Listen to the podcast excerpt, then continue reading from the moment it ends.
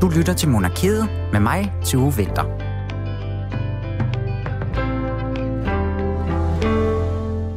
I denne uge i øh, Radio 4's royale lille time her, der skal vi snakke om noget, som vi alle, lige meget sådan hvor lidt eller hvor meget vi opsøger, det bliver udsat for oftere, end vi måske lige går og tænker over. Fordi vi skal nemlig snakke om de kongelige portrætter. De findes ikke kun på lærreder, på museer og slotte. Vi finder dem sådan set over alt rundt omkring. Min gæst i dag, han er kunsthistoriker, og han skældner ikke så meget mellem de her store kongelige malerier, eller de selfies, som kronprinsparet smider på Instagram, eller de kitschede souvenir plastikøloplukkere med dronningen på, som du kan købe rundt omkring på strøget. Og derfor så er portrætter af kongefamilien altså en del af vores sådan billedlige hverdag. Og hvis du er rigtig, rigtig gammel, så kan du måske også huske det, man kan øh, kendte som mønter og frimærker endda også. Der har vi jo også en tradition for regentens portræt derpå. Ham her, kunsthistorikeren, han hedder Tyge Christian Føns Lundberg, og han har beskæftiget sig med det her område i mange år, og så i sommer der udgav han bogen om kongelige portrætter gennem fem øh, gennem 500 år. Det hedder den også, og det er det, den handler om. Det var så i forbindelse med dronningens runde fødselsdag, øhm, og det er altså med ham, vi skal snakke om alle de her kongelige portrætter, om hvad de kan, og hvad vi bruger dem til, og ikke mindst, hvor de er på vej hen. Jeg er jeres vært, Tue Vinter, og du lytter altså til Monarkiet.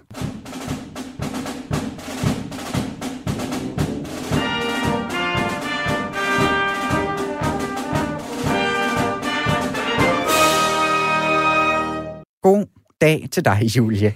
Det er sidste gang, der gjorde dig opmærksom på, at jeg, kom, jeg altid kom til at sige, at jeg havde fået dig bragt ind i studiet nærmest. Så nu siger jeg bare velkommen til dig og tænder for din mikrofon. Fornemt, så kan jeg ikke bede om mere. Nej. Hej, Tue. Hej, og velkommen til Monarkiet, også til Tak, dig. Som og du glædelig køkkenmisse. øh, en god del af. Ja, ja, det er kølenmisse, det anede jeg ikke. Men Nej. i lige måde, og jeg ved heller ikke helt, hvad det er, tror jeg. Men det er godt at ønske hinanden glædelig alt muligt Hvad den det her ud- tid, hvad er synes jeg. Det ved jeg ikke. Pas. Det, så, det stod i min kalender, at, den, at, det, at det var kønnemisse i går. Okay. Så det synes jeg, vi skulle ønske hinanden. Ej, det er en gammel katolsk øh, tradition, som så også er blevet sådan en lidt... Nej, ved du hvad, sandheden er, jeg aner det ikke. Nej, Så lad os skynde os videre. Super. Men så lad os snakke om noget, som vi ved Ja, noget tak. om. Kongehuset, ikke? Det ved vi lidt om. Ja, det ved vi lidt om efterhånden. Og, øh, og, og, og måske meget... Øh, så meget, så vi faktisk sidste øh, uge, der gik vi og savnede dem lidt. Ja. Og, øh, og vi manglede dem lidt i vores sådan lidt mørke hverdag, som vi jo alle sammen går rundt og tumler i i disse tider. Ja, jeg vil sige, at vi kom med, med lidt en øh, opfordring om, og at de måtte komme lidt ud af busken Ja. og vise, at de er her. Ja, og, Og vi dem- er i samme båd, ikke? Jo, præcis. Ja. Men synes du ikke også, de har gjort det så i den sidste uges tid? Det synes jeg bestemt. Der må være nogen derinde, der lytter med. Det, det er dejligt, der er nogen, der lytter. Jeg ja. kan godt lide tanken om, at vi har den indflydelse. Gud, ja, vi skal også have postet på Instagram, at de sidder og tænkt ja. Inde på slottet. Ja, men det er så dejligt. De kom jo ud af busken, og de kom jo faktisk så langt ud, som både at øh, Frederik, der blev vist billeder, at han var ude sådan helt i frontlinjen med øh, det her akutberedskab i Ballerup, var han ude at besøge. Ja. Øh, og takke for deres indsats og, var under det her corona øh, og så videre. Og så øh, var der jo også nogle, nogle, nogle unge herrer, der vandt noget guld. Der, der har været noget sport Yes. den sidste uges tid. Ja, håndbold ja. ved ikke, hvad det er. Ligesom Gøn Men vi vandt, Tue. Ja, og ja. Det skulle ikke øh, lade kronprinsen gå øh, forbi, eller hvad man siger. Nej. Så Nej. du det fine billede, øh, der blev postet, hvor, øh, hvor kronprinsen taler i telefon med den svenske kronprinsesse Victoria, hvor så de ønsker nemlig godt. hinanden øh, pøj pøj. Og det er super godt tænkt. Altså, det var Ja, det godt nok, sjovt. at de, øh, de hårde skyts, der blev... Øh, der, der på en eller anden måde blev, blev svunget ud der, Der ikke? er to kommunikationsmedarbejdere, der har været på arbejde Ja, så klappet deres hænder bagefter, fordi at, og det var jo så også på de svenskes, øhm, på deres Instagram-profil. ja, der var det altså det samme billede, hvor at der er en meget glad svensk familie og en lidt sådan, ja, en, en kronprins, En der, kronprins. Der, der står foran et fjernsyn. Men dog med den telefon. note, at det var prins Christian, der havde taget et billede Ja, det er meget af sin sødt. far. Ja. Ja. Ja, dejligt, uh, dejligt at se, at de var derude. Godt at have tilbage, har man Ja, næsten til at velkommen sige. tilbage til denne mærkelige virkelighed. Lad os blive lidt ved, ved Frederik. Ja. Ja. For ham ser vi jo lidt, øh, lidt ekstra meget til for tiden. Men mm. desværre også var han jo ude i går med en melding om, at øh, Royal Run, som er cirka lige så svært at sige som kronprinsparets priser, Ja, at Royal Run desværre bliver aflyst øh, i maj. Det plejer jo at ligge omkring kronprinsens fødselsdag i maj, og var noget, han lancerede i forbindelse med sin 50-års fødselsdag. Men det bliver så i første omgang rykket til 12. september. Og jeg kan se, at kongehuset selv siger, at det plejer at være omkring 70.000 mennesker, der er samlet. Det er så nok på tværs af landet. Det er Mhm. noget, der sker i flere byer. Men alligevel, det er ret mange tusind mennesker, der så bliver forsamlet. Så må ikke det er meget smart for som sidste Ja. ryg det. Ja, det tror jeg måske ude i bestemt. Det, det er nok uh, godt hurtigt kaldt af, af dem. Ja. Men og vi så det jo faktisk også sidste år, da, da, da vi lukkede ned. Altså, der var kongehuset virkelig hurtigt til at rykke alle ting. Altså, fordi at... Øh, ja, også, altså, hvad hedder det? Fødselsdagen, Dronningens øh, fødselsdag blev ja, den virkelig hurtigt, også ret øh, hurtigt. Fordi at dengang, der troede man måske lidt, at sådan, Nå, jamen, så når vi har været lukket ned de her tre uger, så er det overstået, ikke? Jo. Men, men der Det var da de i hvert ligesom- fald over til april. ja, præcis. Ja, men der, der er de altså meget, der er de hurtige at gå ud og aflyse. Det er måske meget smart, des, Ja, desværre. først som sidst, Men det er jo ikke aflyst, det er bare rykket heldigvis. Ja, Og de skulle også have været på Grønland i år, og det øh, leder de ved stadig efter en dato til. i hvert fald ja. Det Ja. gør de. Men det fine er jo så, at øh, synes jeg med, med den her video og, og det post, øh, kongehuset lagde ud her øh, omkring Royal Run, at der kommer kronprinsen også med en lille, øh, hvad skal man sige, øh, jeg En ved noget opfordring. opfordring. opfordring, tak, der var ordet om. Lige at, at selvom der er nogle måneder til, så det, kan man jo holde sig lidt i god form. Imens, ja. at man skal jo træne op til sådan et løb, og siger jo også, at i mellemtiden skal vi sørge for at holde både krop og sjæl i gang, særligt i den her mørke periode. Øhm, og så kalder han det både en motionsfest og en løbsfest. Ja. Altså Royal Run. Yes. Det synes jeg er nogle ret En løbsfest. lækre Ja, udtryk. ja. Jeg Ja. har aldrig hørt om en løbsfest før, og jeg tror heller ikke, at jeg Nej. nogensinde kommer til en, Altså, jeg en tænker lidt, det kunne min idrætslærer i folkeskolen da godt have tænkt ja. over. Så var der da nok flere, der dukkede op der fredag inden efterårsferien Ja. til løbsfest. Men det, og det er jo så fint, og når nu vi ved, at de lytter med ind på slottet, ikke, så vil jeg gerne komme med en opfordring til dem om, at det, de gør nu, det er, at de sætter øh, ham her, kronprinsen, foran et kamera, og så laver han hjemmeøvelser med os alle sammen. Det var da en god idé. Ja, tak. Jeg tænker sådan den sportlige øh, Philip Faber hver Ja. morgen, ikke? Lave morgengymnastikken med os inden fra øh, slottet. Drøn god idé. Den Ja. er givet videre, og I må gerne bruge den, og jeg behøver ikke få noget for det. Gavmildt. Tusind tak skal du have, Julie. Selv tak. Men de har en pude i ryggen.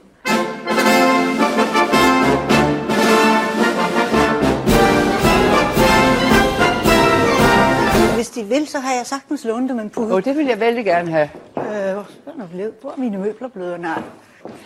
Jeg Men lad os bare er meget nødt til at sidde på en pude. Hvis Jamen, det er bestemt ikke Og det er til ryggen, vi Det er tænker. simpelthen for... At- tusind tak. Jeg synes, det kunne, jeg kunne se, at de følte dem lidt langt tilbage. Det er rigtigt nok, øh, men jeg troede, jeg skulle sidde på en pude. Det Nej, nej, nej, nej, nej, nej, nej.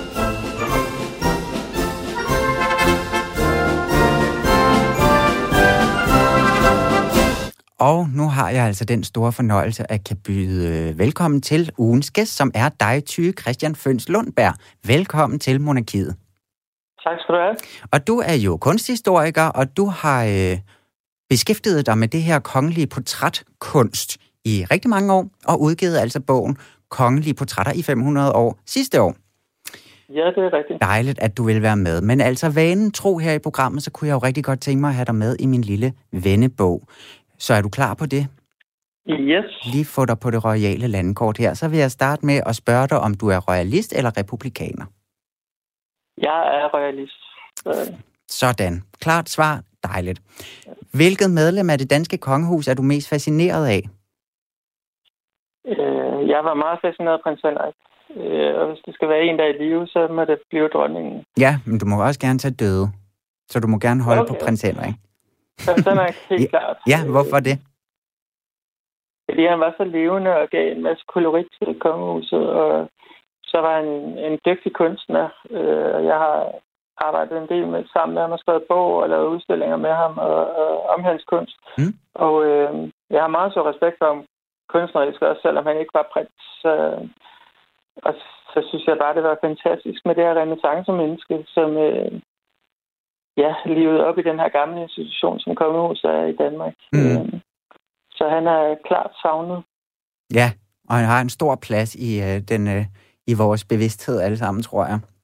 Lige nu. Det håber eller nu i i hvert hvert fald. Ja. Okay, men hvilket øh, medlem af kongehuset vil du så helst strande på en øde ø med?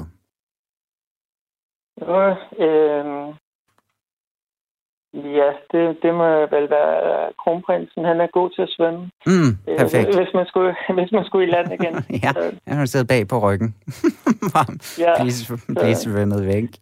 Okay, men så vil jeg spørge nu, hvor det er dig, der er vores gæst, så vil jeg spørge, hvis nu du selv skulle portrættere, nu ved jeg godt, du ikke er kunstner, men hvis du selv skulle portrættere en kongelig, hvem skulle det så være? Hvem vil være en god model? Okay, skal det være en levende eller en død? Også gerne død. Død. Ja. Øh, hvis det skulle være en levende, kunne jeg godt tænke mig dronning Elisabeth, fordi hun er blevet malet så mange gange, over 300 gange, og det kunne være sjovt at, at, at prøve at give sit eget bud på det. Mm. Øh, hvis det skulle være en død, kunne jeg godt tænke mig Christian 4, fordi han, ham er der jo så mange myter, og, og vi har alle sammen mening om Christian 4. Det kunne være sjovt at prøve at Prøv at ja, møde ham. ham. Ja, Men også fordi, når man maler et portræt, så sidder du og kigger på og har øjenkontakt i mange, mange timer. I virkeligheden er man jo tættere på den, man maler eller bliver malet af, end man måske nogensinde er på sine ægtefælder og familiemedlemmer. Det er jo sjældent, vi sidder og kigger i timevis i øjnene mm. på vores medmennesker. Så, så det kunne være sjovt at, at tale med ham, mens man maler ham. ja, for et lille intimt øjeblik med Christian den 4. Præcis. Ja, det er skønt. Hvem vil du så helst drikke en drink med? Sidste spørgsmål. Øh, det må være dronningmoren i England. Hun, hun drak jo efter sin flaske gin om dagen, så jeg tror, hun har været virkelig morsom. Ja, stærkt. Tror du, du kunne følge med på det? Nej, jeg tror heller ikke, man kan sætte drink i ental med hende, men, men ja, alle siger jo, hun var vildt morsom, den der mødte hende. Så, Ja. så det kunne jeg godt tænke mig. Ja, mm, dejligt. Altså, tusind tak, så er du altså med i min lille radiofoniske venindebog. Vennebog. Jamen, det, det er en stor ære, kan jeg forstå. Perfekt. Vi hører lige den her. Efter at kongen i statsrådet havde givet sin officielle godkendelse af forlovelsen, og Grev Henri derefter var blevet præsenteret for ministerne, fik pressen lejlighed til at fotografere de forlovede i audienssalen sammen med kongen og regeringens medlemmer med statsministeren i spidsen. Og der blev taget billeder i tusindvis.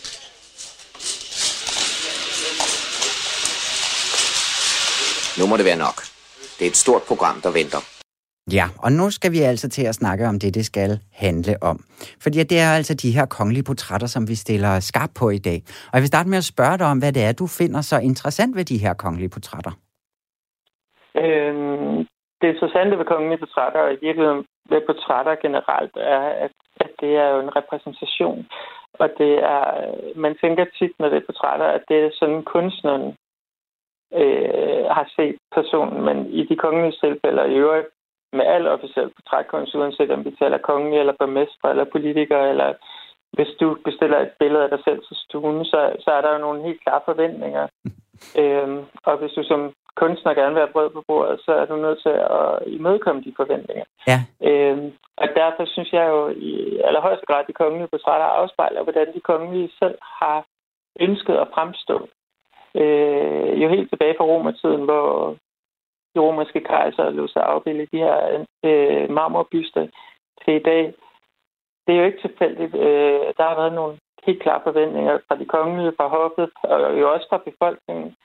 Øh, så i virkeligheden, når man ser på et kongelige portræt, ser du ikke bare på Christian 4. eller hvem det må være, så ser du på for det første, hvordan ønskede samtiden en kongelig afbillede, og for det andet, hvordan ønskede den kongelige selv sig selv afbildet. Og for det tredje kan du se masser af historie i billederne. Øhm, for eksempel har vi barokken, hvor det var vigtigt, at kongen var stærk. Der har vi de her store rytterportrætter, øh, hvor de kongelige her i krig. Og øh, i 1800-tallet starten, hvor vi jo havde statsbankerot og, og øh, alle de her øh, tabet af Norge osv., der bliver formatet lige pludselig meget lille og meget uprætentiøst, fordi der er man ligesom nødt til at vide med, vise med en del af befolkningens kår, og Øhm, der er også en grund til, at kronprins Frederik og, og Mary på, er på Instagram og viser billeder fra deres hverdag, Mm. øh, for ligesom at vise, at de er i øjenhøjde og folkelige. Så, så de kongelige portrætter fortæller så meget mere end bare, at det er et billede af den og den kunstner. Det, det,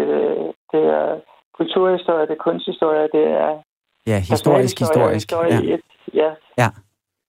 Ja, og der i din... Øh, fordi at, at altså, kan man stille spørgsmålet overhovedet, sådan, hvad, hvad, hvad det kongelige portræt er? Altså, Jamen, det er jo alt. Altså, nu, nu har jeg skrevet nogle bøger efterhånden om emnet, men det vi prøvede med bogen sidste år, øh, som øh, jo er grunden til, at jeg ringede til mig i dag, det, det var netop at vise, hvor bredt det er. Det er ikke kun de her store museumstykker, som er malet af, af kendte kunstnere. Det er, det er jo også de mønter, vi render rundt med i lommen. Det er frimærker, det er statuerne på tårne rundt om i byerne, det er øh, kagedåser, det er køleskabsmagneter, det er øh, ubladsbilleder, det er overalt på, øh, på internettet. Ja. Øh, og sådan har det i virkeligheden været altid, også før internettet. Der havde du på de gamle øh, brændeovne, der havde du, øh, hvad hedder det, kongens profil. Øh, du havde øh, fliser, porcelæn med kongen på. Øh, så så de kongelige har egentlig altid haft et ønske om, at menigmand, uanset om det var en adelsmand, der fik fred af de store malede portrætter, eller om det var en bonde, der, der gik rundt med en mønt i lommen, alle skulle have mulighed for at se, hvordan de kongelige så mm. ud. Og, øh, og det synes jeg jo egentlig er prisværdigt. Så det er en øh, promovering også?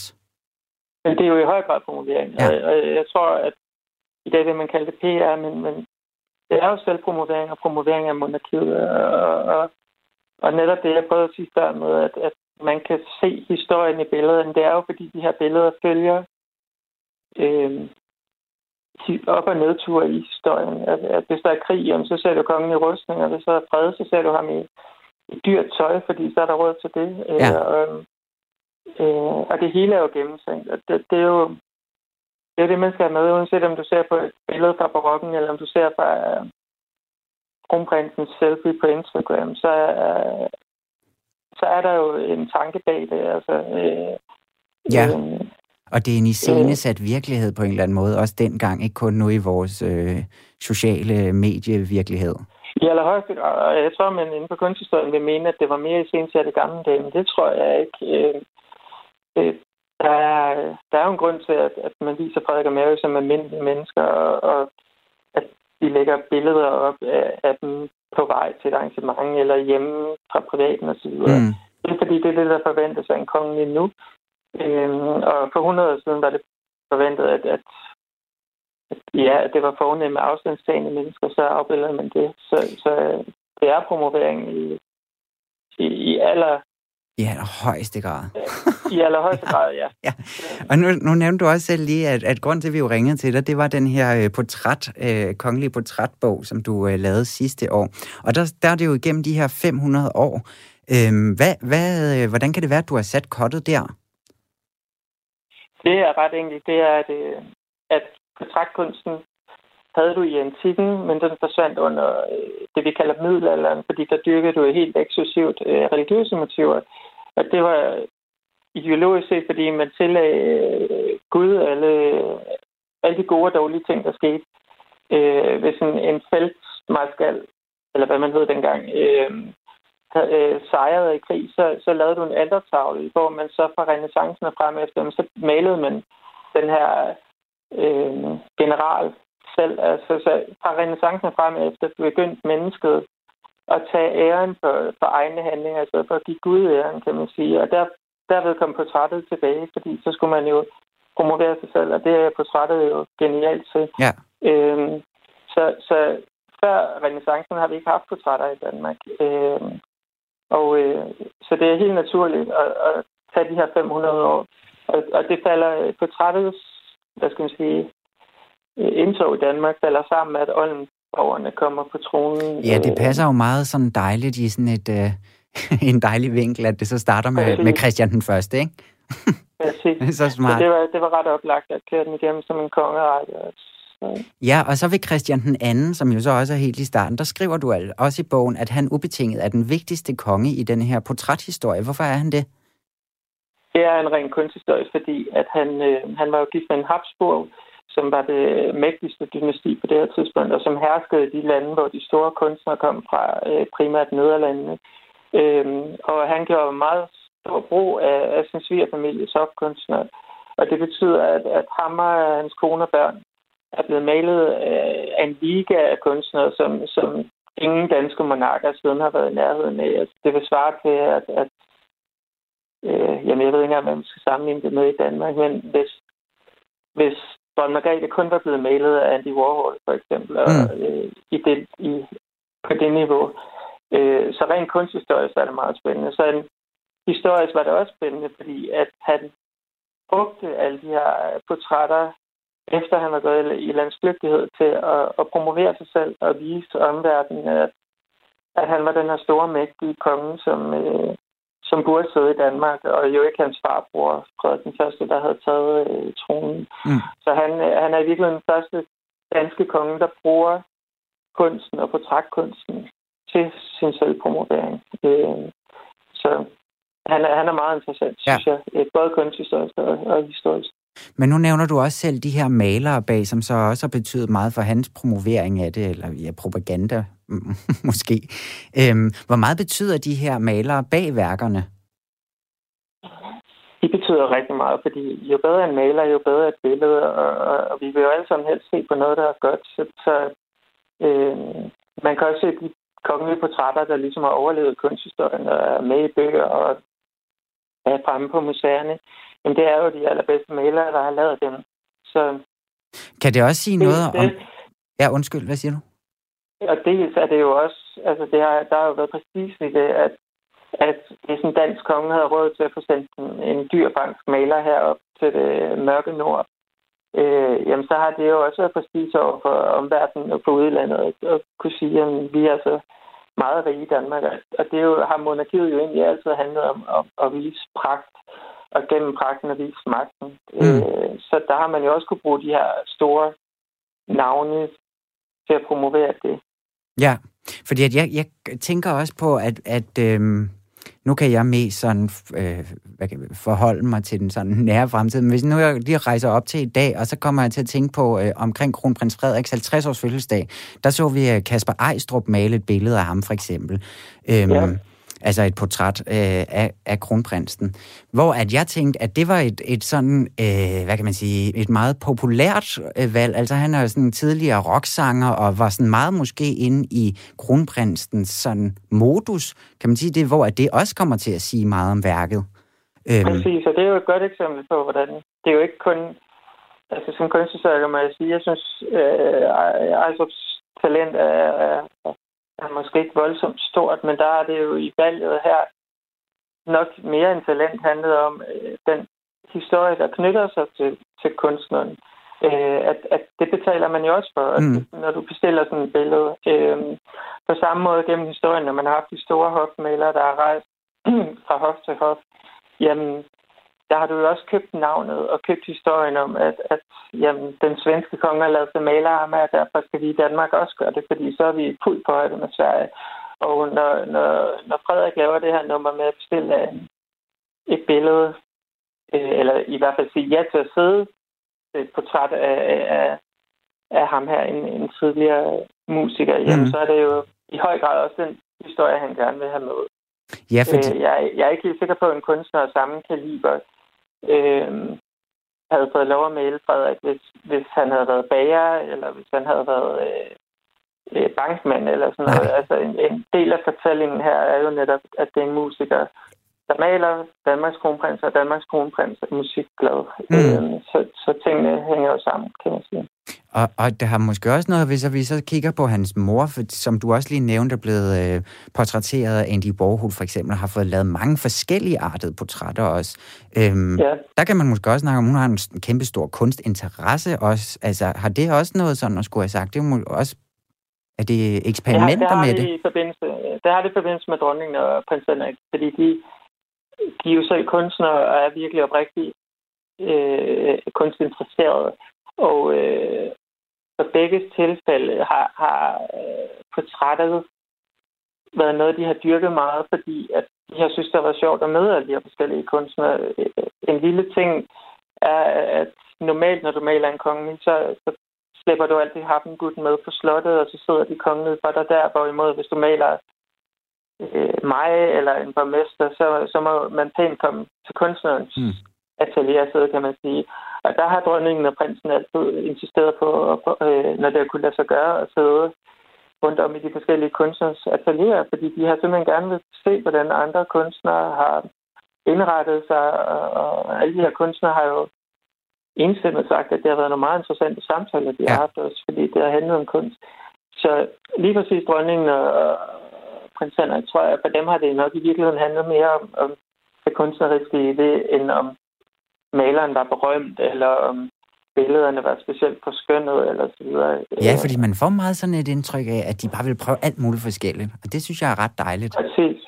Ja. Det sjove med prins Henrik var, at han, han var meget glad for udenlandske kunstnere, og så for, at de blev malet af nogle øh, ret berømte udenlandske kunstnere, hvor dronningen altså har foretrukket danske kunstnere, så man har, øh, har i virkeligheden hele spektret ret godt repræsenteret hos dem. Og så øh, er det interessante for mig i den sammenhæng, at, at, at portrættet nærmest er uddødt under kong Frederik og dronning Ingrid, fordi øh, portræt er øh, rent grundlæggende, at det er en ret dyr ting. Det, det er ret kostbart at blive malet. Så det er samfundets spidser, der bliver det.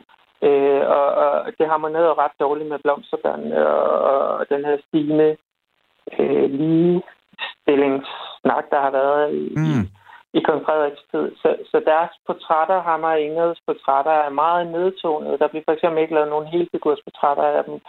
Øh, og ind på scenen kommer så Margrethe Henrik, som bestiller store gala-portrætter, som bestiller portrætter i alle prislejre standarder, og, og de er i allerhøjeste grad medvirkende til, at vi har portrætkunst i Danmark i dag, fordi det er jo sådan, at, at de kongelige gør, det gør alle andre også. Ja, når, det løber ned gennem samfundet. Præcis. Så ja. grunden til, at vi har så mange portrætmalere i Danmark i dag, det kan vi i høj grad tilskrive øh, dronningen og prins Henrik. Mm. Spændende. Og jeg synes, at øh, vi skal lige hoppe lidt tilbage i historien, fordi at jeg har jo bedt dig om at tage en kjole med øh, i denne her uge, eller i hvert fald et portræt, som vi skal kigge på. Og når vi skal kigge på det, så skal vi altså lige høre den her skønne skiller. Det er kjoler, og det er også øh, de mere festlige kjoler. Det kan være farvevalg. Der er mange farver, mange af de stærke farver. Prinsesse Benedikte kan gå ind og vælge nogle meget dus farver. Det vil dronningen ikke vælge. Ja, og det er jo simpelthen et portræt, som vi skal snakke om i dag, og det er øh, af kong Christian den 8. og hans dronning Karoline Amalie. Så vi er lidt tilbage i tid igen, og vi er, jeg har åbnet op på en stor midterside i din bog her. Øhm, kan du ikke lige ja. starte med at beskrive det her billede for øh, alle vores kære lyttere? Jo, det er malet af, af den franske maler Kur, der øh, kom til øh, Danmark for at male det her dobbeltportræt af, af det nye kongepar øh, på tronerne i Frederiksborgs øh, Slotskirke. Og det er malet i forbindelse med deres salving, og der sidder de i alt deres salvingsudstyr med hermelinskåber og kroner og kronedvæler og, og så videre. Øh, det var Danmarks sidste enevoldssalving. Øh, efter fik vi jo vores grundlov, mm. og, og enevælden blev afskaffet. Der var allerede på det her tidspunkt meget stærke røster i Danmark for, at de skulle have demokrati, og vi øh, ikke vil have enevælde længere. Og man havde nogle meget stærke forventninger til Christian 8., fordi han jo som ung udstationeret i Norge havde øh, lavet sig selv udråbe til kongen op og givet Norge en fri forfatning, øh, dengang vi stadigvæk havde Norge. Og derfor troede at de her danskere, at han, når han nu blev kongen, så vil han også give danskerne en fri forfatning. Ja. Det skete ikke. Og derfor var der rimelig mange kritiske røster omkring den her kroning. Øh, og man kunne sige, at hvis de havde haft en spindoktor, så havde de nok ikke gået all in med den her kroning. men, men det havde de tydeligvis ikke, fordi øh, det tøj, de har på, han har den her øh, danske salvingsdragt på, som er inspireret af, af renaissancedragter med, med nogle posede pluderbukser og en lille jakke og, og silkestrømper. Og hun har en, øh, en fantastisk guldindladet øh, kjole på. Og jeg kan ikke huske, jeg har, jeg har forsøgt at finde det, men, men øh, jeg har lige på Bornholm nu, så jeg ikke haft min dør, men, men jeg kan ikke huske, hvor mange tømmer årslønninger hendes kjole var, men, men hvis, så vidt jeg husker, var det 400. Øh, som altså den, år, årslønninger for en tømmer? Ja, præcis. Ja. Altså, så det har været helt sindssygt. Men man kan øh, også sige, at, at hele det her billede, ikke, det er, hvis man sådan tager, hvad kan man sige, en øh, sådan en stereotyp på, det, på et, et kongeportræt. Altså, der er Præcis. koronerne der er jo alt, og... Ja, og store alt, stole og det hele. Danmark ja. er kongelige symboler er jo det her billede, og alt, hvad de har rigdom, og alle de her ting, som jo kan ses på Rosenborg normalt. Øhm, men det er jo en helt fantastisk kjole, den var udstillet for et par år siden, sikkert for sidste gang, fordi den er jo meget, meget skrøbelig. Ja. Øhm, og den er alle penge værd, vil man nok sige i dag, men, men jeg synes, det er en spændende kjole, fordi at, at den siger lidt om, at enevoldskongerne nok er lidt mindre interesseret i, i almindelige menneskers holdning, end man vil være i dag. Jeg tror, det vil svare til, at man under finanskrisen havde udstyret dronning Margrethe eller, eller Mary med en kjole, der, der repræsenterede så mange års lønninger, øh, så, så tror jeg ikke, vi havde noget monarki. Nej. Altså, så, øh, så, altså man kan sige, at det her at det er bare super, super dårligt timet. Ja, altså den repræsenterer jo meget godt, hvad monarkiet gik ud på i gamle dage, at, at det var en instans, man så op til. Og, og det, hvis vi skal snakke portrætter igen, blandt andet det, vi lige taler om med kjolen, der er, det er altid malet fra frøperspektiv. Det vil sige, at, at modellen ser ned på beskueren, øh, og det repræsenterer jo det her magtforhold mellem den kongelige og, og undersøgten, at, at beskueren ser simpelthen op på den kongelige. Mm. Hvor det i vores dag er blevet meget mere almindeligt at male de her kongelige i øjenhøjde. Øh, og det siger jo lidt af det hele, at, at, at monarkiet dengang, der stillede, skulle man ikke stille så mange spørgsmål ved det. Altså havde de lyst til at købe en kjole, der var så dyr, så gjorde de det. Jeg tror ikke, man vil se det samme. Så udover, jeg synes kjolen er fantastisk spændende, fordi udover den er meget, meget smuk, så, så fortæller den jo også ret meget om monarkiet, og, og hvordan monarkiet har udviklet sig ja. og forandret sig. Og, og der er simpelthen i lige disse tider, mens de sidder i alt, det er sådan lidt øh, hulepragt bliver det så, når der er så meget sådan uro rundt omkring i landet og fører sig sådan frem. Det er virkelig sådan... Øh, Ja, Præcis. rigtig dårlig timing. Og man, og man kan se, der, der var også danske kunstnere, der malede salvingen, og det er meget mere nedtonet i deres udtryk, øh, hvor ham her i bedste franske stil jo i den grad har udkendt alt pragten. Altså, du, når du står for en maleri i virkeligheden, der hænger i tra- på trappen øh, på Christiansborg og til repræsentationslokalerne, så kan du se nærmest hver eneste sting i, i, i, i guldbroderiet og hver eneste øh, lille facet i diamanterne ja. osv. Så, så, så han har ikke rigtig haft fingeren på pulsen, hvilket jo er, er fascinerende i betragtning af, at Frankrig jo havde haft en revolution. Ja, han skulle ligesom kunne se, hvad der kunne komme. Over, præcis, ja. Men øh, det glemmer man hurtigt åbenbart. Men det der også synes, der er ret spændende, når du fortæller den her historie, fordi jeg kendte den ikke, at, øh, altså, at, det, at, at det var et problem omkring det her billede, det er, at så begynder man jo at læse nogle nye ting ind i sådan noget, tænker jeg. Så synes jeg lige pludselig, de begynder at se en lille smule betuttet ud, eller jeg, altså, at det hele virker, ja, som jeg også lige sagde, sådan hult og så videre. Ændrer sådan ja. billeder betydning sig? Altså, så kommer vi jo til at se på fortiden som noget andet, end det, der måske var tænkt. Og, og, det er de her år jo det aller, allerbedste eksempel på med alle de her krænkelsesting og, og den politiske korrekthed, at, at vi har jo museer, der ligefrem ændrer titler nu, eller fjerner billeder, hvis det for eksempel forestiller en sort person. Ja. Eller, øh, øh, og, og, og udover personligt, at jeg ikke kan forstå det, jeg synes jo netop, at museerne skal vise fortiden, som den var, og så kan vi jo så selv konkludere, om vi har lyst til at forandre det øh, og føre noget nyt ind i fremtiden, eller om vi vil bevare det. Det, det må være det, museerne skal gøre. Øh, så er det spændende med portrætter også, at man egentlig altid, historikere egentlig altid brugt portrætter som bevisføring, kan man sige, i deres forskning. Altså for eksempel Christian den anden, vi talte om før, han var jo manden bag det stokholmske blodbad, hvor han øh, fik henrettet nogle af 80 mennesker. Nogle af dem var jo øh, børn. Øhm, og der er mange historikere, der siden han har siddet og kigget på hans portrætter retrospektivt og sagt, Nå, men jeg synes egentlig også, man kan se, at han, han ser gal ud i øjnene. Eller han, Jamen, det er meget øh, og det er jo et rigtig fint eksempel ja. på, at, at, at noget, der... Man kan være helt sikker på, at en hofmaler har ikke siddet og tænkt, nu vil jeg male den her mand som sindssyg eller ond eller grim, fordi så havde han ikke noget job. Mm. Øhm, så, Nej, og den her franske det, maler har heller ikke prøvet at portrættere dem som nogen, der ø- øsler. Absolut ikke. Nej. Altså, så, så det er, jeg synes, det er ret interessant, hvordan man efterfølgende kan sidde og indlæse en masse ting i, i, øh, i, i, i billeder og portrætter. Øh, fordi man kan være ret sikker på, at det har ikke været meningen fra starten.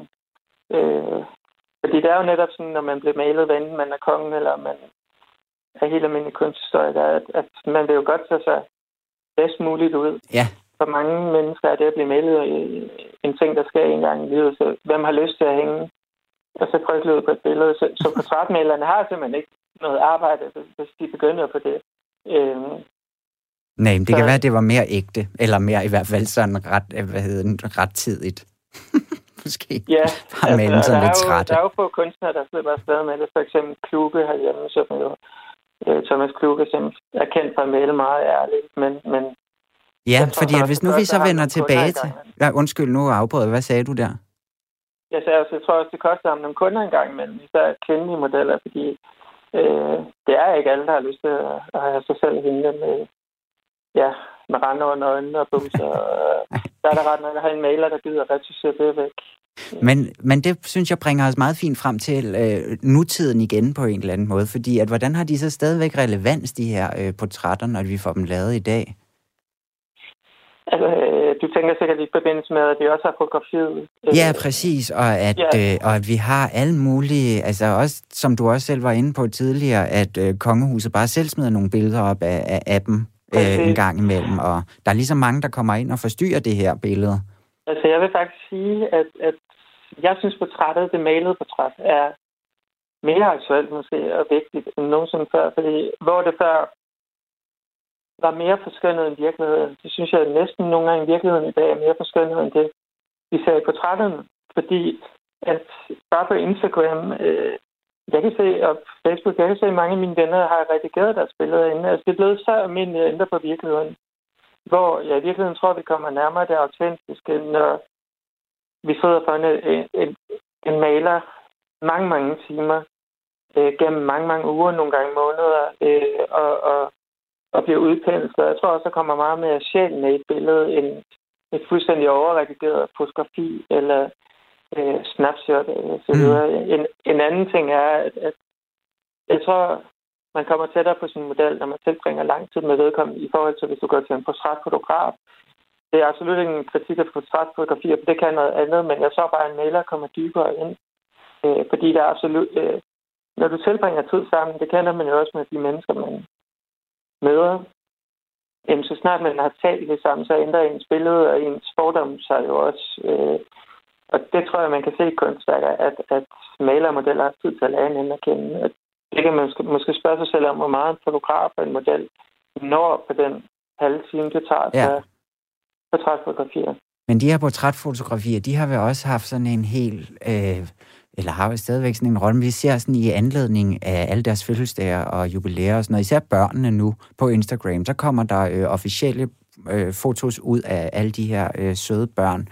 Øhm, hvordan har de her fotos, altså de, de er, vel blevet, er de blevet brugt sådan mere konkret, nemlig nu snakkede du også om sådan øh, merchandise og souvenirs og, og alle de her ting. Altså hvis vi bevæger os væk fra øh, øh maleriet lidt. Ja. Øh, altså det gode ved fotografiet er at det kan mangfoldiggøres. Og, øh, øh, og det er meget mere folkeligt. Altså jeg tror, majoriteten i Danmark og i udlandet, øh, for den sags skyld, forbinder et malerportræt med noget overklasse og noget, der måske ikke altid kommer dem selv. Det, det synes jeg, jeg kan mærke, når jeg udholder foredrag, at, at man relaterer meget nemmere til fotografierne, end man gør til malerierne. Fordi malerierne, det er lidt en anden verden, som måske ikke kommer os alle sammen ved, fordi det er ikke os alle sammen, der bliver malet. Mm. Øhm, hvor vi bliver alle sammen fotograferet, og vi går alle sammen rundt og fotograferer. Det er jo nemmere end nogensinde før i vores dage, på grund af, at vi jo alle sammen har et bærbart kamera i, i vores mobiler. Øhm, så jeg tror, at fotografiet er en langt, langt mere folkelig genre, og øhm, jeg tror heller ikke, du ser ikke ret mange malere male Frederik og Mave omkring morgenbordet. Øh, fordi så snart det er et maleri, så vil du lægge mange mere tanker i det, og måske have nogle forventninger om, det er lidt mere formelt. Ja. Øh, hvorimod fotografi, uanset hvor opstillet det er, der er jo i bogen, der er jo et, et, et, et fotografi af, af kronprinsfamilien, som jo, selvom det ser meget spontant ud, at de sidder og griner alle sammen, så er det jo ekstremt opstillet. Du har økologisk mælk, du har et løbehjul, du har kongelig porcelæn, øh, som selvfølgelig er mega musel, i stedet for det gamle musemælde, for at vise, at det er en ung, energisk, øh, bæredygtig familie. Ja, og plus Øhm. så er det billede også taget af en af verdens allerstørste modefotografer, ikke? Præcis. Ja. Og, og der, alene der ved man jo, at det er jo, altså, han er jo ikke kommet ind på to minutter og så er der gået igen. Det har, det har jo været et dags arbejde. Ja. Øhm, så hermed ikke sagt, at fotografiet er mere spontant, for det tror jeg bestemt ikke, det er, øh, eller mere uigennemtænkt. Men jeg tror bare, det, er- det appellerer bredere, fordi vi alle sammen kan forholde os til det Mm. fotografiske medie.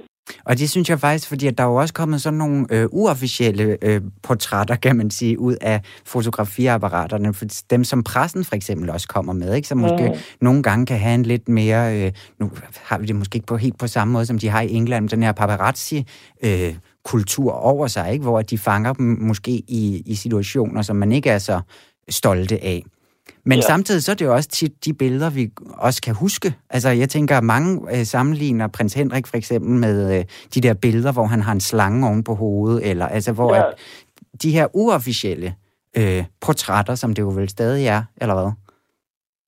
Ja, det er du fuldstændig ret i. Og jeg tror faktisk, at kongehusene kvæg de sociale medier er ved at tage noget af den magt tilbage, som de... Man skal tænke på, før paparazzierne, der havde kongehuset den fulde kontrol over deres image fordi der blev kun malet de billeder og lavet de øh, koverstik og billeder i aviserne, som blev frigivet af hofferne og bestilt af hofferne. Så kom fotografer, øh, paparazzierne og øh, medierne og tog magten. Og, og kvæg, at kongehusene nu går ind på deres enemærker, kan man sige, på de sociale medier.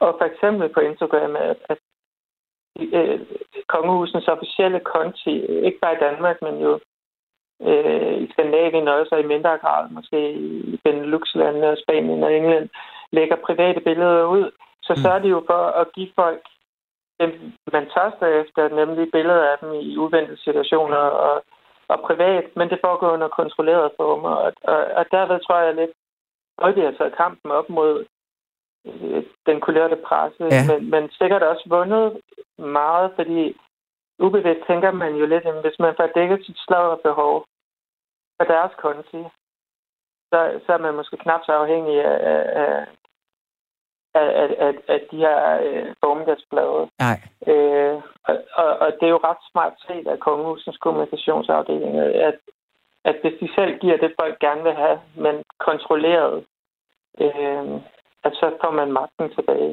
Mm. Og der er jo også en ret stor pointe i, at vi overhovedet kan tale om kommunikationsafdeling. Det var der jo ikke for 20 år siden. Der var det jo i Danmark, der, der var det noget Hofmarskanden så med. Ja, han klarede det hele der. Jamen, det er også... Det er en hel afdeling i, i, i i Danmark, der, der ja. tager sig alt det her. Så der er jo det er også noget, vi bliver ved med at vende tilbage til i, i det her program, det her forhold mellem øh, øh nemlig deres egen øh, udlægning af sig selv, og hvad pressen så ender med at få af betydning, når de har, øh, når de har deres helt egen platform nu, hvor de bare kan sige, hvad de vil, eller hvad man kan sige, vise, hvad de vil. Ikke? Ja. Det er meget interessant, og det er sikkert ikke noget, som vi er færdige med at snakke om, går jeg heller ikke ud fra. Men altså, jeg, men, men jeg kan godt føle, at det hele sådan godt kan blive sådan lidt udvandet. Øhm, med, af, at, at det her, de her sociale medier sådan kommer op og tager øh, hvad kan man sige, kæmper lidt med de officielle fotografier, og, og vi vil jo egentlig hellere sådan ind bag ved mennesket og, øh, ja. og, og, og det her, ikke? Øhm, hvor, hvor tror du så, vi er på vej hen på den konto, når nu det er blevet sådan en stor spiller? Jeg tror, at monarkierne generelt er under udvikling. Det, det har de jo altid været, kan man sige. Men jeg tror, vi bevæger os...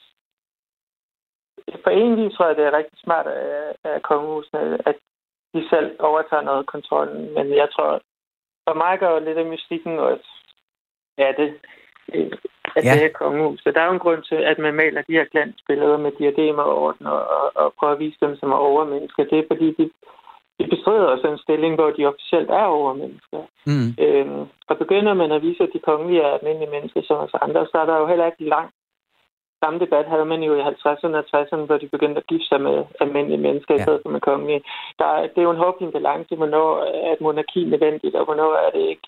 Øhm, jeg synes generelt, at, at man ser lidt bagsiden af medaljen, at de kongelige, især de yngre generationer, går fra at være kongelige, noget der er unikt til at være øh, superstjerner mm. øh, på linje med noget, vi alle sammen kan blive. Altså, i, i dag er det jo nok at stille op i et reality-program, så er du på den røde løber. Ja, præcis. Øh, og jeg tænker tit, hvis man ser ankomster til hoftballerne, at, at de gamle kongelige, de, de går jo bare igennem og smiler til fotograferne, hvor de unge stiller sig op og poserer. Det er jo nøjagtigt samme måde at agere på, som du ser til Oscar-uddelingen, hvor det er filmstjerner. Og ja. hvis vi begynder at nærme os noget, hvor det, de kongelige leverer, er noget, alle kan levere.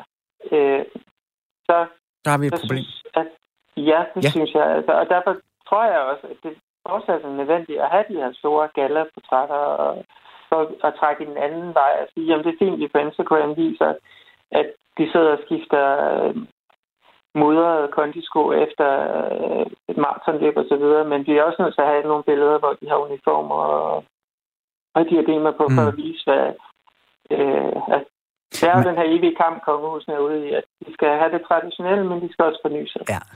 Ja, og man kan også sige, at der er jo så lige her inden for de sidste par år, der er der jo kommet en helt ny spiller på banen, nemlig prins Nikolaj, der så stiller op og, og reklamerer for tøjmærker. Altså han er blevet ja, model, ja. øhm, som jo har taget nogle vanvittigt flotte billeder, men jo ikke sådan det her kongelige portræt, kan man sige. Men promoverer sig på kongeligheden. Ja. Og der har vi også et, et modebillede med i bogen fra de år. Altså, mm. øh, jamen, jeg tror, han repræsenterer en ny generation, der jo Både fordi han er så langt ude i... Det bliver jo brugt af medierne som undskyldning, han kan tillade sig de her ting, fordi han er så langt nede i afdelingen. Men det, man skal huske, er, at vi har jo altid haft kong, store kongefamilier, hvor folk har været tættere på tronen end andre. Men vi har ikke set den her slags udskejelser før, kan Nej. man sige. Altså, vi kan tage Rosenborgene for eksempel. Øhm, altså øh, Frederik Mines lillebror Knud og hans familie, og en generation tilbage, prins Haralds familie, ja. de har jo opført sig konservativt og anstændigt og, og, og omgået de rigtige mennesker og så videre. Øh, de har opført sig kongelige, selvom de måske har været knap så kongelige øh, officielt. Og det, at dronningens barnebarn er til sin tid øh, kongens nevø går ud, og øh, der har jo lige været dokumentar om hans mor, hvor han ordret siger, at han er faktisk mere stolt af at være model, end han er at være prins, fordi det er noget, han har opnået selv, i stedet for noget, han ja. er født til.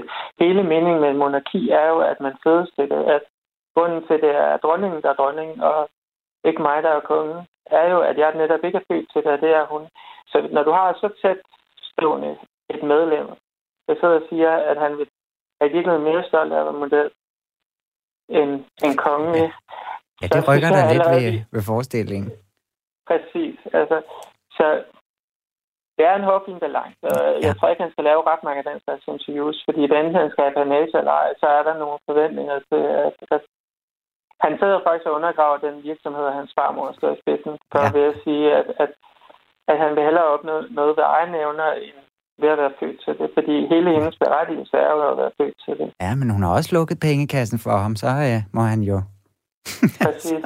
Og det gælder jo også rent portrætmæssigt, at, at nu er han nu er han model for de år. Hvad hvis han en dag skal lave øh, badebuks? Ja. Altså, ja, det, er, det er vi mange, der glæder os til.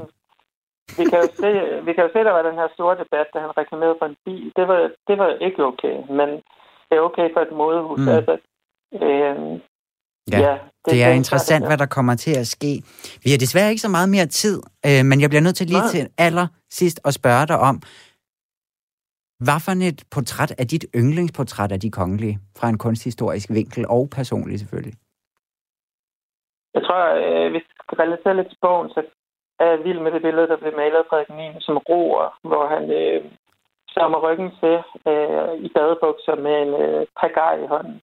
øh, det er et meget privat billede, der blev malet til hans roklub, studenternes roklub, og øh, man kan se, øh, bukserne er meget transparente, og historien er, at, at han blev malet nøgen til hans kammerater i den her roklub, og efter han stod, bad dronning Inger sig om i at låne billedet, så hun kunne få lov at se det. Og da roklubben så fik det tilbage, så havde han lige pludselig fået badebukser på. øhm, og øh, jeg tror på det, fordi at, at det er meget mærkeligt transparent til maling, og det, ja. det er en anden pensel, der har lavet det. Så men jeg synes, det er et fantastisk billede, at vi får lov at se den helt private konge. Øhm, men han udleverer jo heller ikke sig selv på det billede, fordi han netop står med ryggen til. Mm. Og, og øhm, ja, så der synes jeg jo netop, at man får forenet det fotografiet står for, det spontane med det maleriet står for, det mere gennemtænkte. At, at det er mennesker meget stadig i et i det billede. Ja. Og der er altså propfyldt med øh, rigtig fine, fine billeder i den bog, som altså hedder Kongelige Portrætter gennem øh, 500 år, som du har udgivet. Og når jeg siger du, så det er altså dig, Ty Christian Føls ja. Lund Bær, kunsthistoriker. Tusind tak, fordi du vil øh, være med i dag. Det har været drønne interessant at snakke med dig. Jamen, i lige måde. Tak. Livak præsenterer... Så gælder det om at vise, hvor dygtige I kan blive.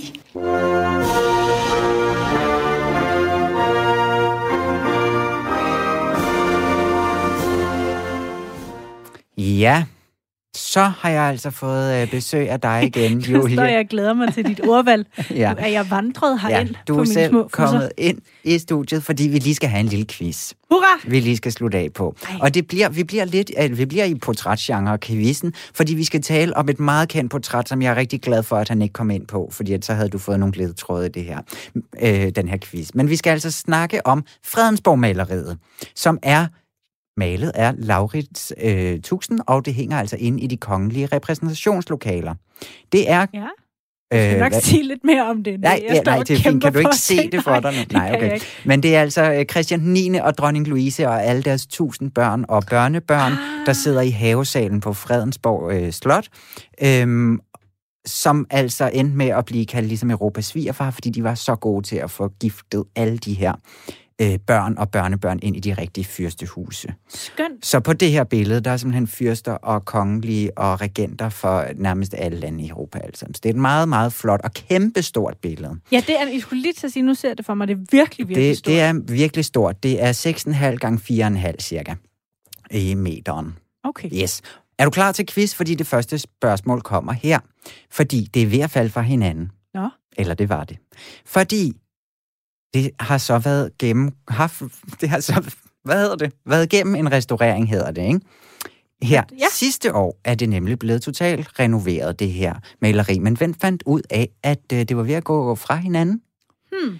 Var det simpelthen A, en af Christiansborgs øh, opmærksomme rundvisere? Var det en af Christiansborgs øh, gæster? Eller var det simpelthen dronningen selv? Mm, ja. Ah, må ikke det var dronningen selv? Hun er så... Jeg så engang en dokumentar, hvor hun gik øh, rundt på et af slottene, og hun var så opmærksom på alt. Så jeg, jeg går med dronningen selv. Ja, det var også en super sjov mulighed, men det var altså en af Christiansborg øh, rigtig øh, gode rundviser, der Ej, altså gjorde øh, opmærksom på, at det her, er. det var, der var altså noget galt her. Okay. Det var simpelthen begyndt at skalle helt vildt i, øh, i farverne. Men så vi bliver lige ved den her restaurering. Det er Ja. simpelthen en quiz lidt om restaurering af Det kan jeg billeder, fornemme. Julie, ikke? Skønt.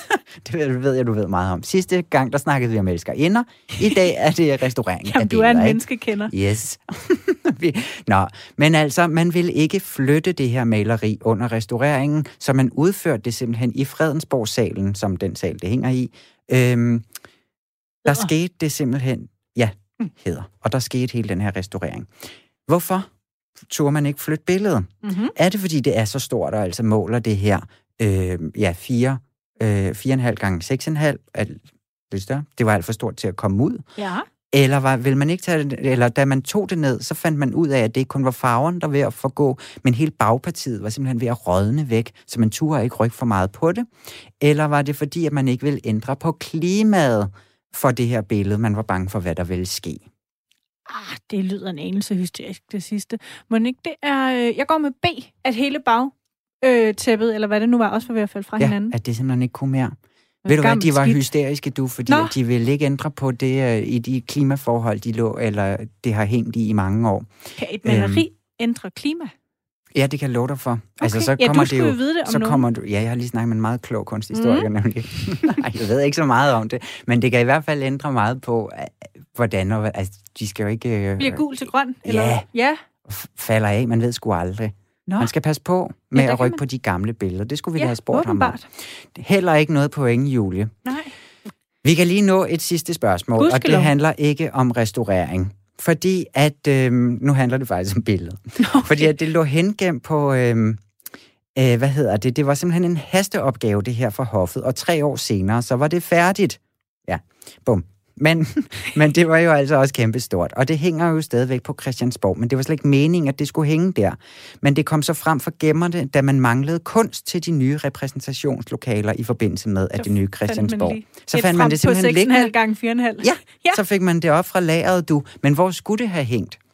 Skulle det simpelthen have hængt i den nye folketingssal på Christiansborg? Men så var der for mange kritiske røster om, der sagde, at man ikke skulle tage kongemagten ind i den sal. Skulle det være øh, hængt i privat i havesalen på Fredensborg, altså der, hvor at øh, billedet ligesom også er malet? Eller var det det nyopførte rådhus? Men så passede, så synes man alligevel, da det stod der rådhuset, at det ikke rigtig passede ind. Ej, jeg tror ikke rigtigt på hverken Rådhus eller Folketing, så jeg tror, det skulle have hængt på Fredensborg. Ja, Julie, så har du fået et stort, øh, rundt, øh, rungende nul i, i, i aftenens quiz. Fantastisk. Nå. Fordi det skulle simpelthen have hængt på, øh, på Rådhuset. Det var da bare en skam, at I slet ikke talte mere om det portræt tidligere. Ja. Er 20. Kunne I da godt have gjort. Men det er bare ret vanvittigt, at så har det her, øh, altså det her billede, det har altså ligget på et lager fra, øh, fra 1900, al- nej, undskyld, 1886, hvor det er færdigt, og så da det bliver hængt rigtigt op på Christiansborg i 1923. Så har det hængt lidt på, øh, da det skulle præsenteres og sådan noget på Charlottenborg, men er det ikke vildt? Det har været pakket utroligt dårligt ind, så. De i alle år, rullet det sammen, åbenbart. Jeg ligget der i en eller anden, ja. en eller anden pulterkammer. Du fik Nå. 0 point, Julie. Ja, og, du må prøve jeg så igen bitter, til næste så jeg glæder uge. mig til næste uge. ja, og der er vi altså tilbage igen her i Monarkiet. Rigtig god dag.